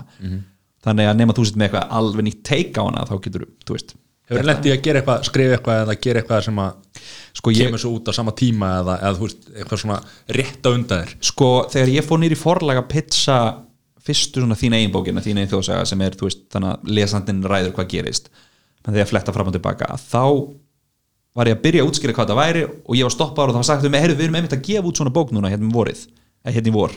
Og ég bara svona, ó nei. Að ég, ég, handritið var búið að vera til í tvö ár og ég bara svona, hvað var ég að pæla, akkur var ég ekki búin að drulla minnir í bæ og láta vita af þessu strax? Og, hérna, og þá kom ég ljós að það var semst bók sem skrifuð í fyrsta lagi undir dullnefni og í öðru lagi var fyrir fullorna og í þriðja lagi var svona erotísk útgáfa af svona þú ræði hvað gerist. Og eitthvað svona þú ert að fara á barinn ætlar að reyna við barþjóninn eða trúbadorinn eða þú veist hvað ætlar að gera? Veist hvað ég laði mikla vinni að gera þessa bók og þú, ég á enda að lesa það sko. Og þú náttúrulega ekki að skrifa erotíska bandabækur Nei, ég er ekki, ekki, Ekki ekki það er opið gat á markanum, og hérna hver var það aftur? Það var, í, þetta var brandar í einhverjum einhverjum sitcom. Ó, nú man ekki hvað var. Einhver sem, einmitt sem var að skrifa erotíska bandabækur og einhver spurði, eru það vinsalar rosalega, er bara highly unpopular. Það var eitthvað, þetta var New Girl eða, eða Arrested Development eða eitthvað. Ah, þetta var eitthvað, þetta var eitthvað brandar eitthvað ja. en hérna nei, en, en Geggi hugmynd svo já, já. Og, það, og, og margir fullóttir í gegnum árin hafa komið til mín og verið eitthvað, er ég með einu svolítið góða hugmynd hérna, ef þú gerir eitthvað fullóttir, ég bara, þetta er til. Farið bara bókstafni og fyndi þetta, þetta er til. Ég held hún heiti meðlegjandinn eða eitthvað, ég, ég man ekki hvað hún heitir en, en Er þetta ekki leyndar, le, hvað heitir hún aftur? leyndum að skýslumarstjóra já, nei, já, nei, þetta, þetta er ekki það. Þetta það var ekki byggt á bók. En hérna, sá hann aldrei heyrði bara um hana. Nei, en hérna Þú varst með of skýr svörina til að nákvæmlega. til að taka þennan. Nei, en, en, en uh, og þá, einmitt, í smástund hugsaði, ó nei, nú var ég á setn og, og hérna. Og, en þá kom ég ljóst að það var náttúrulega bara allt annað dæmið þannig að ég bara held áfram með mína seríu og, og hérna, og einmitt, og hún er bara ennþá í gangi núna og einmitt er búin að tegjast yfir í leikrit og og alls konar. En, og svo annað sem að hérna, tengist ykkur nú til dæmis að ég fekk hugmynd að podcasti fyrir hérna uh, síðasta haust. Og, og ætlaði svo að hrinda því í, í, í framkvæmt núna í sumar og til að bara aðtuga hvort að einhver annar hefði kannski fengið þessu hugmynd á hvað ég googlaði og þá akkurat byrjaði podcast um nákvæmlega það sem mér langaði að gera podcast um í janúar. Komni tveir þættir og svo fór allt í frost út af veirunni er, og ég bara sendi á og, sagt, og þemað var uh, að, að, sagt, podcastið er þá um talsetningu teiknimynda yfir á íslensku. Mér finnst það mjög heillandi ég vinn sjálfur við það og þú veist og, og fannst bara ókslega spennandi að, að hérna heyra í þessu fólki sem var að talsetja þessar myndir sem að við ólust upp við og svo bara er þetta alltaf að breytast núna og, og nýtt fólk komið inn og einhverju gamlar ennþá og, og, og hérna og þá bara kemur ljós að það er annar gæi sem er að gera þetta rosa vel og nú man ég ekki betur, ég ætla að fara í síman minn sem er mjög ópró í miðri. Nei, nei, ópróf, þetta er vitu, vitu. Það er bara ekkert prófið en að þátt hérna. Hlaðvarpið heitir svo ég geti nú pluggað ef einhverju vilja hlusta á Og er hann að fá þá bara til sín? Til dæmi, já, talað í tómið heitir þetta og það er Sigurður Gunnar Magnússon sem er með þetta og í fyrsta þætti er hann að tala við Felix Bergson sem var einmitt sá fyrsti sem ég ætlaði að tala við Já. og ég einmitt senda á hann og spurði bara hæ, heyrðu, ég, ég er að pæla í að gera þetta ætlar þú að halda áfram með þitt eða, eða, og hann ætlar að halda áfram? Þannig ég segi bara, ok, gangi bara ógslega vel. Ég ætla bara að hérna og þetta var sama dag og ég senda á þig mitt mati hérna hvernig virkar þetta að mér langar að koma til ykkar? Þannig að ég er núna bara svona að melta er eitthvað annað take á hugsanlega þetta eða bara eitthvað allt annað? Hefur hann komist inn í tölvuna lesi, Það er lesi en, púntana þe- en þetta var bara svona hugmynd sem var í loftinu og hann er mitt, ég mitt sá á Facebookina að hann sagði nú ætlum ég loksins að láta verða því að hérna í ára að, að, að kýla á þetta. Þannig að talaði tómið, hann er búin að tala við Felix og, og Völu Guðuna sem var Pocahontas og, og fleiri þannig að hérna Er ekki nóg að tala bara að latta og, og, og hérna? Og er það það? og, og hérna og hann hérna. Þeir verður örgulega næstir. Þannig, en þetta er, einmitt, svona dæmi um að, að hérna, en, en svo reynir maður náttúrulega líka bara að fá þú veist, nógu frumlegar hugmyndir þannig að þú veist, bara eins og með hrollvekju bókina núna að, að þú veist, það er ekkit margir að skrifa smásögur fyrir börn, þannig, og úlíka þannig að ég ákvað bara að kýla á það áður en einhver annar einhverjum öðrum myndi detta það í hug og eins með þín einbækunar það er örglega að að þetta form er þekkt úti, það kemur ekkit óvart og einhver annar hérna heima hefði hugsalega haft þessa hugmynd einhver stað í kollinum en bara ég var það undan þannig að, að hérna að, Þetta er oft bandarskir eða grínistar, segja oft þetta sko segja sama brandarann Einmitt. Þetta er ekki alltaf stóli, þetta er bara já bara eitthvað sem er loftinu það er fullt af fólki að hugsa um brandara og Já. stundur þetta bara tveir einstaklingar niður á sama brandara Ná, sko. þetta er bara svo, það eru allir núna með brandarann ó, mér finnst fyndið að sitja heima í sótkví og horfa á bíómynd og ég er bara næstu því að hrópa á fólki á skjánum, heyrðu, hætti að vera hérna óni öllum og hérna, hvað með tvekja metra regluna og það er, að- þú veist, það er annað hver maður er með þennan brandara í, einmitt podcastum og, Já, já. og, og einhverju svona livestreamum En líka bara þegar maður er í búðinu sko. Ei, maður er nú að passa tveikja metra regluna nákvæmlega, Já, þetta er sko. Nei, það, einmitt, daginn morgunin eftir, hérna morgunin fjórða var ég að fara með litla strákjum til læknis og lendi í liftu þar sem fólk tróð sér inn og einmitt einhver kona grínaðist með, er ekki tvekja metra reglan búin? Og ég var bara svona, nei hún, það er komin fjórði mæin, hún er ekki búin og þú veist, við erum öll onni hvort öðru í þessari liftu hérna, á leiðin til læknis mm eigum við kannski að, þú veist come on, bara í alvöru. Að hérna Við erum alltaf alveg hrikaleg sko. Við erum svo fljóta að gleyma líka og, og þetta er svona ferleg sko. þetta er ég er mjög, mjög forvitin að sjá hvernig þetta verður í lok hérna mæ og það var nú, þú veist, þetta tekið hvað dagur í dag, það er 20. 20. eitt nýtt smitt var að koma í dag og það var ekki í sótkví Já. þannig að hver veit hvað hva gerist. Ég var nú bara í bónus á þann sko. já, og það var gæði sem var með væntalega það önduna vél set, var með hérna, í nefinu og s- slöngu fyrir aftan. Og svo bara næsti gæði fyrir aftan var á kassanum, hann var bara hann. og það var bara svona, eru, tekja myndar reglana já, og gæði alveg, já, já, sorry maður, sorry hérna. "Eh, það er, þetta er nú eiginlega búið hérna á Íslandi, sko, hann að við skulum nú ekki bara En missa samt okkur, ekki- já, nákvæmlega. hann er í vél, sko. Já, nákvæmlega. ef hann fær COVID, þá er hann bara í alvöru vesen já, já. en það, er, við erum hrikaleg sko. og við líka núna erum á bara svona já, við slöpum og svo mitt sáma bara, þú veist, röðin í sundið og allt það, allir og ný hver öllum í anskotanum opnaði, fekk þessa frábæru hugmynd að opna sundlöðunar á miðnætti opnaði bara klokkan 6 um morgun. Já, þetta er Þetta fara allir í miðnættisund já, já, auðvitað. Líka þetta er sko rekstur af vegum sveitafélagana sko. Sveitafélagi ekki beðið í Nákvæmlega. En það er líka meira svo að vera að borga öllum yfirvinnu Já, sem var að vinna en, en svo er líka fólk er bara glatt að þetta er að opna aftur og maður skilur það alveg líka Já, sko. en veist, þurfum ekki að vera að fá þetta. Nei. Ekki opna, ég, ég er aðalega smeykur sko með 15. júni við, þá opnum við landið. Já, það, ég er meira stressað fyrir því sko. En vonandi bara fyrir þetta allt sem að vil við, við sendum bara góða ströym út í kosmosið og vonandi verður þetta bara allt í lægi við treystum því bara þá getur lana kemur í ljós. Já, kallinn? Ha, ég verð, nei, en ég er með svo góða regla eftir að ég varð pappi uh, hérna, að þá við eigum, eigum hérna, strák sem er næstu verið tveggjára og bara frá því að Vétis var ólétt þá bara byrjum við með motto sem var við skulum hafa ágjörði þegar við þurfum að hafa ágjörði og það er rosa gott motto að annars verður maður geðveikur. Annars er maður alltaf að rifja upp eða þú veist að búa til í haustum á sér allt sem getur farið úr skeiðis í staðan fyrir að fókus á bara er allt í góðu núna? Ok, þá er allt í góðu núna. Og svo fyrir maður líka að hugsa um hvað hefði geta gerst. Já.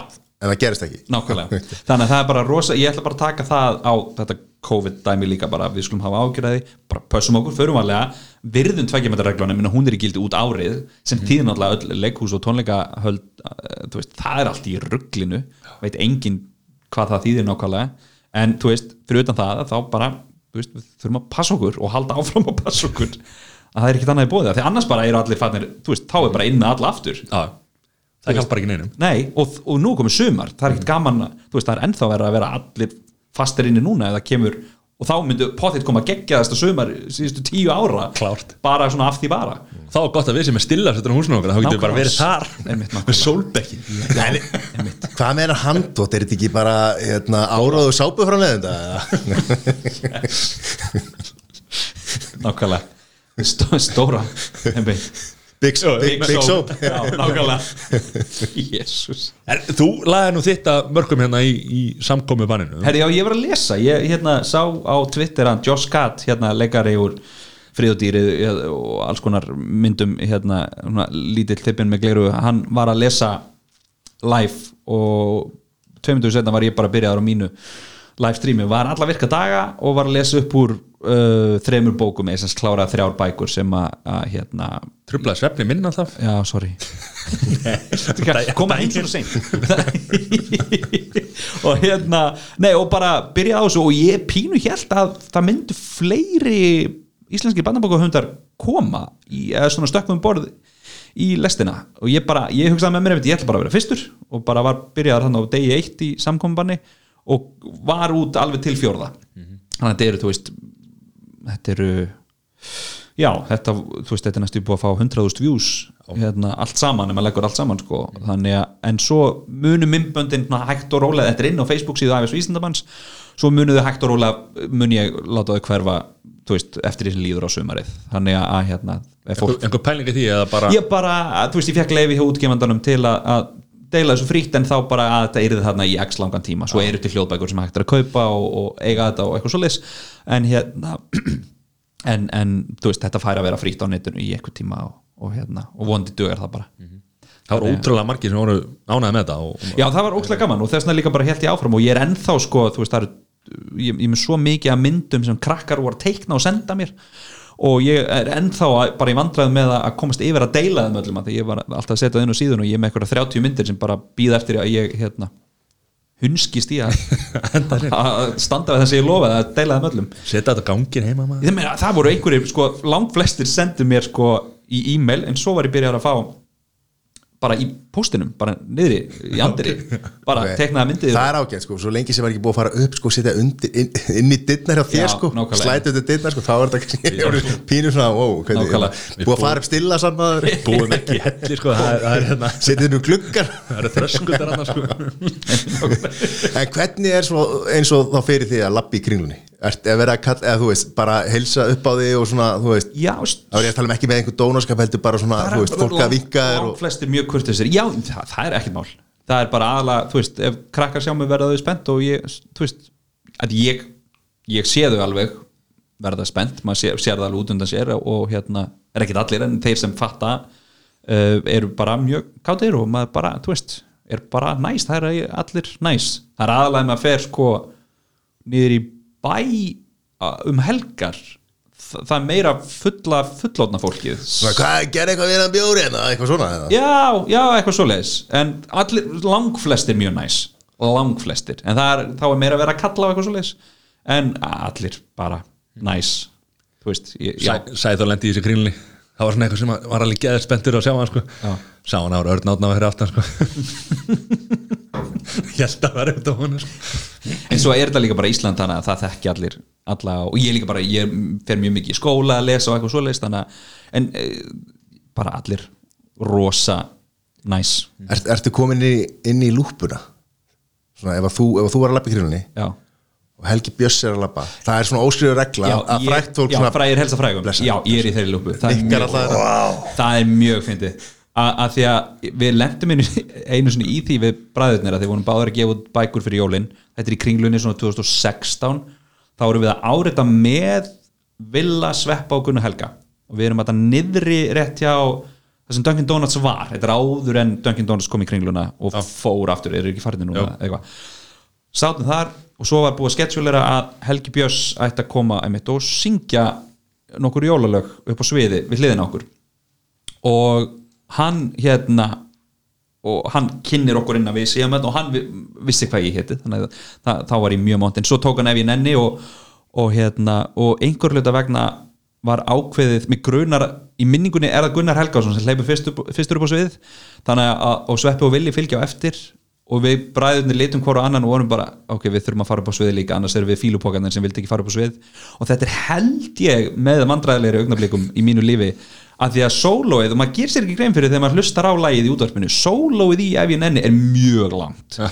og við einhvern veginn á sviðinu með engin hljóðfæri valla með mæk allt og margir að mæma saxofón og öskra ef ég nenni með Helga er rosalega skrítið. Og fólk alls það er í kring að vera einhvern veginn hvað eru allir þessi menn að gera þetta með Helga Björns er bara að reyna að syngja Við komum bara til að sjá Helga Já, sko. nákvæmlega, ég, við guðinni bróður vorum bara, bara við viljum bara árita bækur sko. þetta, er- þetta, þetta var ekki partur af prógraminu en samt, góð, góð, góð minning Já. mig. Já, bara að nefna þetta og Helgi mjög hress sko. við vorum í, við maður vorum búið að hann sko mjög fáir inni og káká var það sko, það var ekkert að nikka okkur sko, við pínu Já. þetta var Við erum ekki konur í lúpuna sko. nei, Podcast er ekki orðið það stórt en þá nei, Þi, en þið reddi því bara með þeir bjóða honum í heimsók er spjall. líka frændi minn sko KK var einn af mínum uppáhalds talandu græna hattin aðan það bara datt inn á tónleika með KK band fyrir nokkrum árum.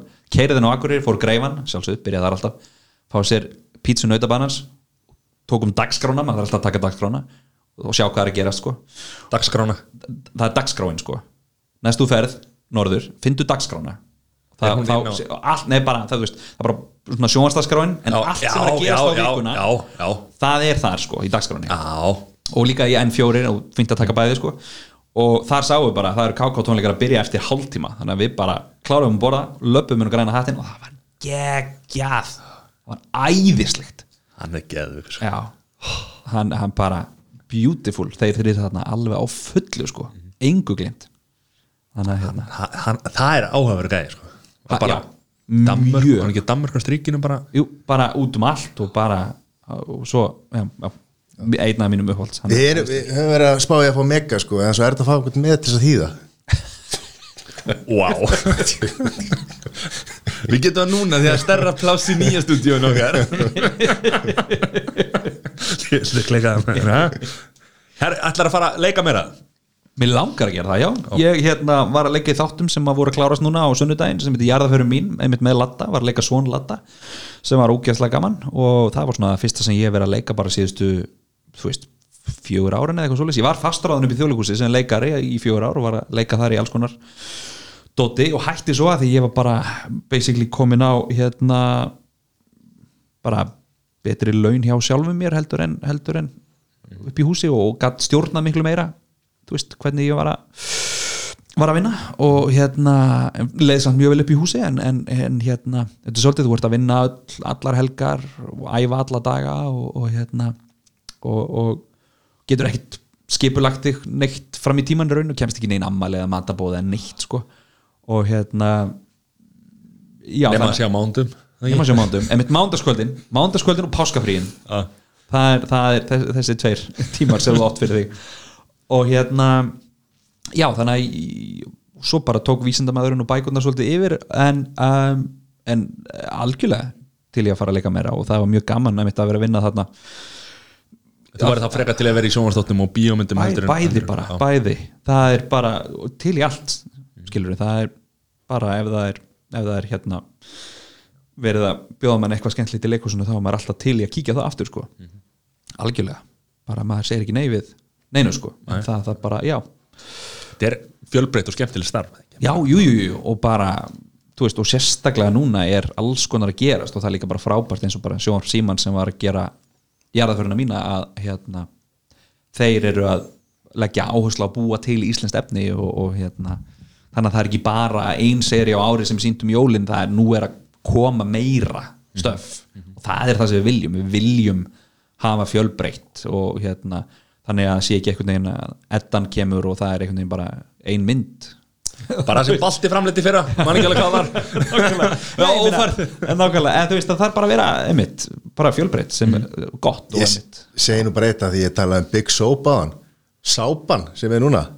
Já, Ég Palmólif, Ég er áraður sápu framleiðandaði við ekki séð það sko, ég hef ekki hort á það. Hvernig er þetta? þetta er mjög skemmtilegt sko. Ég er búin að horfa á fyrstu tóð þetta Hvað er þetta?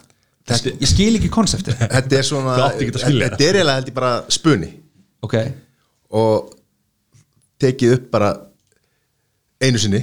Ok, og það er bara takan held ég. Ok, og þetta er sko fann að var náttúrulega hjá okkur um dag ég held að tekið upp bara á föstu degi ok. Sínt á lögati Tekið upp á fimmtudegi eða fimmti Klifta fyrsti og sínt á á Ok.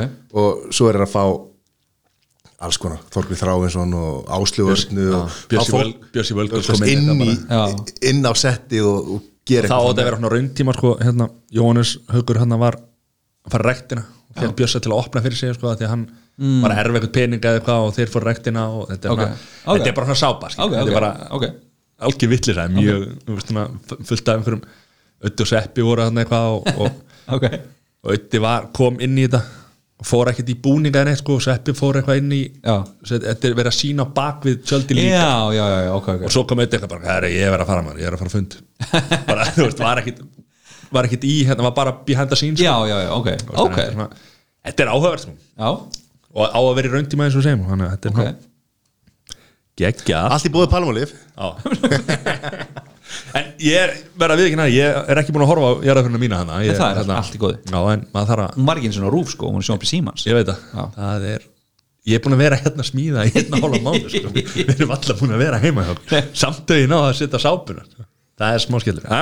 Allt í góðu hvað hérna var, hvað, varstu með einhverja fleiri púnta? Þetta er hér, ég held þessi búið með alla púntina minna Þetta voru góði púntar Þetta góðir punktar. Já, það er fínir Það er svo vel undirbúin Já, Hvort er skemmtilega að vera rithundur, leikari eða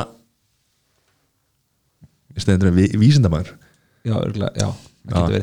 Þetta er, þú veist hvað hérna? Ég held skemmtilegast að vera leikari held ég sko. En hitt er samt alveg, það er bara öðruvísi gaman þú veist, að fá hugmynd og geta komið inn í framkvæmd og þú veist, að finna leikil að einhverju plotti eða tvisti, það getur verið geggja kikk líka sko. Og hérna og vera vísindamæður og fá að, þú veist klifra upp perluna með ryggsugum er geggja líka. Og hérna og taka viðtal við Jane Goodall sem er bara, þú veist, einn flottasta vísindakon í heimi og, og hérna að fara í síðustu seríunu þá hérna fengum við leifið til að heimsækja CERN sem er þannig að reysa hraðallinn í Genf. Já. 100 metra hún í jörðinni, þeir þrýfa hann einu svona ári þá er hann ekki geislavirkur. Þannig að þá fengum við að fara niður. Og þú veist, þetta var geðveiki, geðveiki sko. þetta var svo stórt og svo e, þú veist, og þeir eru bara að, að finna veist, einhver ný efni og nýjar, þú veist, eitthvað inn í atóminu og eitthvað sem er inn í því og eitthvað sem er inn í því og bara, þú veist, hversu hratt getum við gert þetta til að finna þú veist, bara eitthvað sem maður, að maður getur alltaf útskýrt og, og bara stærðin á þessu og, og þetta er bara svona lítil nánast eins og bara lítil þjóð út af fyrir sig og það er bara, þeir eru með sér löggu og þeir eru bara með, þú veist, allar göturnar heita í höfuð og vísindamönnum og þú veist, ég bý við Einstein stræti og hérna er, þú veist, Marie Curie Road og, og þú veist geggjað sko, það er, það er æðislegt líka, er, þú veist en, á, en í þessu öllu ert að segja sögu einhvern veginn, þannig að það tengir þetta allt saman, þetta er bara svona mismöndi miðlar til að miðla einhverju. Þannig að hérna Já, það er bara rosa mismunandi. En þú veist, kannski svona augljósasta kikki er, er leikari, þú veist, hún farið að leika mótið latta í sen eftir sen eftir senu og, og þú veist og, og hann er æði, þannig að það er bara það er æðislegt og að mitt að vinna s- leika stóru sögun í þjóðleikusinu og, og þú veist, og vera Lili Kleumús, það er æðislegt líka og, og bara, manni, kistustu Jóngnar eða? Í nei, við dag? fórum í tásluknús Já, í íþróttasokum sem var reyndar ekki sínt en við gerðum það samt. Og einum hljóðmanninu var svo um og ó og hann þurfti að fara af settinu. Það er bara, ég geti þetta ekki. Og fór Nei, við, nei þetta var, þessi var haldið mjög hérna svona Af því að var- þetta átti að vera svo, já, svo Já, einhvern veginn loðu endilega kærastina sko Hann Nei, nei, bara er búin að hugsa um þetta alla tíma Já, sko, Nei, ég hef ekki, hef ekki, ekki kist Jóngnar. Ég knúsaði Jóngnar en ekki kist hann. Ekki núna síðustu vikur, Nei, það er rétt, það má ekki. En hérna það er rétt. leik, Leikstjóri eða leik, þú veist Er það eitthvað sem kýtlar það? Já, já, örgulega, en þú veist, ég er mjög mikið kontrollfrík og allir sem hafa unni með mér að einhverju sem er, þú veist, það sem er mitt eigið, ég er mjög mikið að skipta mér öllu, stundum á mikið og ég er svona að vinna í því að slappa hans af og treysta öðru fólki um, Þú veist, eftir að hafa séð uh, Stefán Hallur leikstjóri leikstýrði verkónum mínum, þín eigin verkónum og, og hérna, Góður allt í góð minni búin að ringja hætti þrísvanum hann er á silent. Já, ég held ég að vera bara að gera og hérna já þú veist, eh, bara vinnan á bakvið leikstjórn er svo trillingslega mikil. Þannig að maður heldur að maður viti hvað þetta er en maður hefur ekki hugmyndu það. Þannig að það er bara þú berð ábyrð á öllu. Það er, þú veist, þú þarft að vera svo rosalega skipulaður og, og onnit til að geta verið góður leikstjóri. Og ég veit ekki alveg, þú veist, Stefán Hallur rúlaði upp og ég veit ekki hvort ég er alveg þar strax, en kannski eitthvað tímann.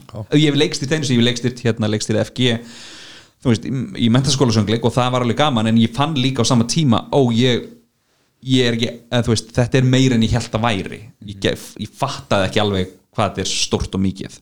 Þannig að hérna já, uh, en þú veist aldrei þessi aldrei, það geta alveg verið sko. Þetta er ennbla gott motto sko. En skrifa sjónvars já, Seríur. mega til það. Við erum, ég og Guðni bróður erum búin að vera í mörg ára að reyna að selja konseptið að þín eigin bókunum sem sjónvastæti og, og hérna það stoppar alltaf á því að hérna, að við ætlum að taka upp 270 mínútur, við ætlum að sína 90 Já, það er ekki gott, gott í upp Excel-skjalinu 90 og- Nákvæmlega. það, það er ekki e, e, það er strax bara svona hvað sér fyrir ekki?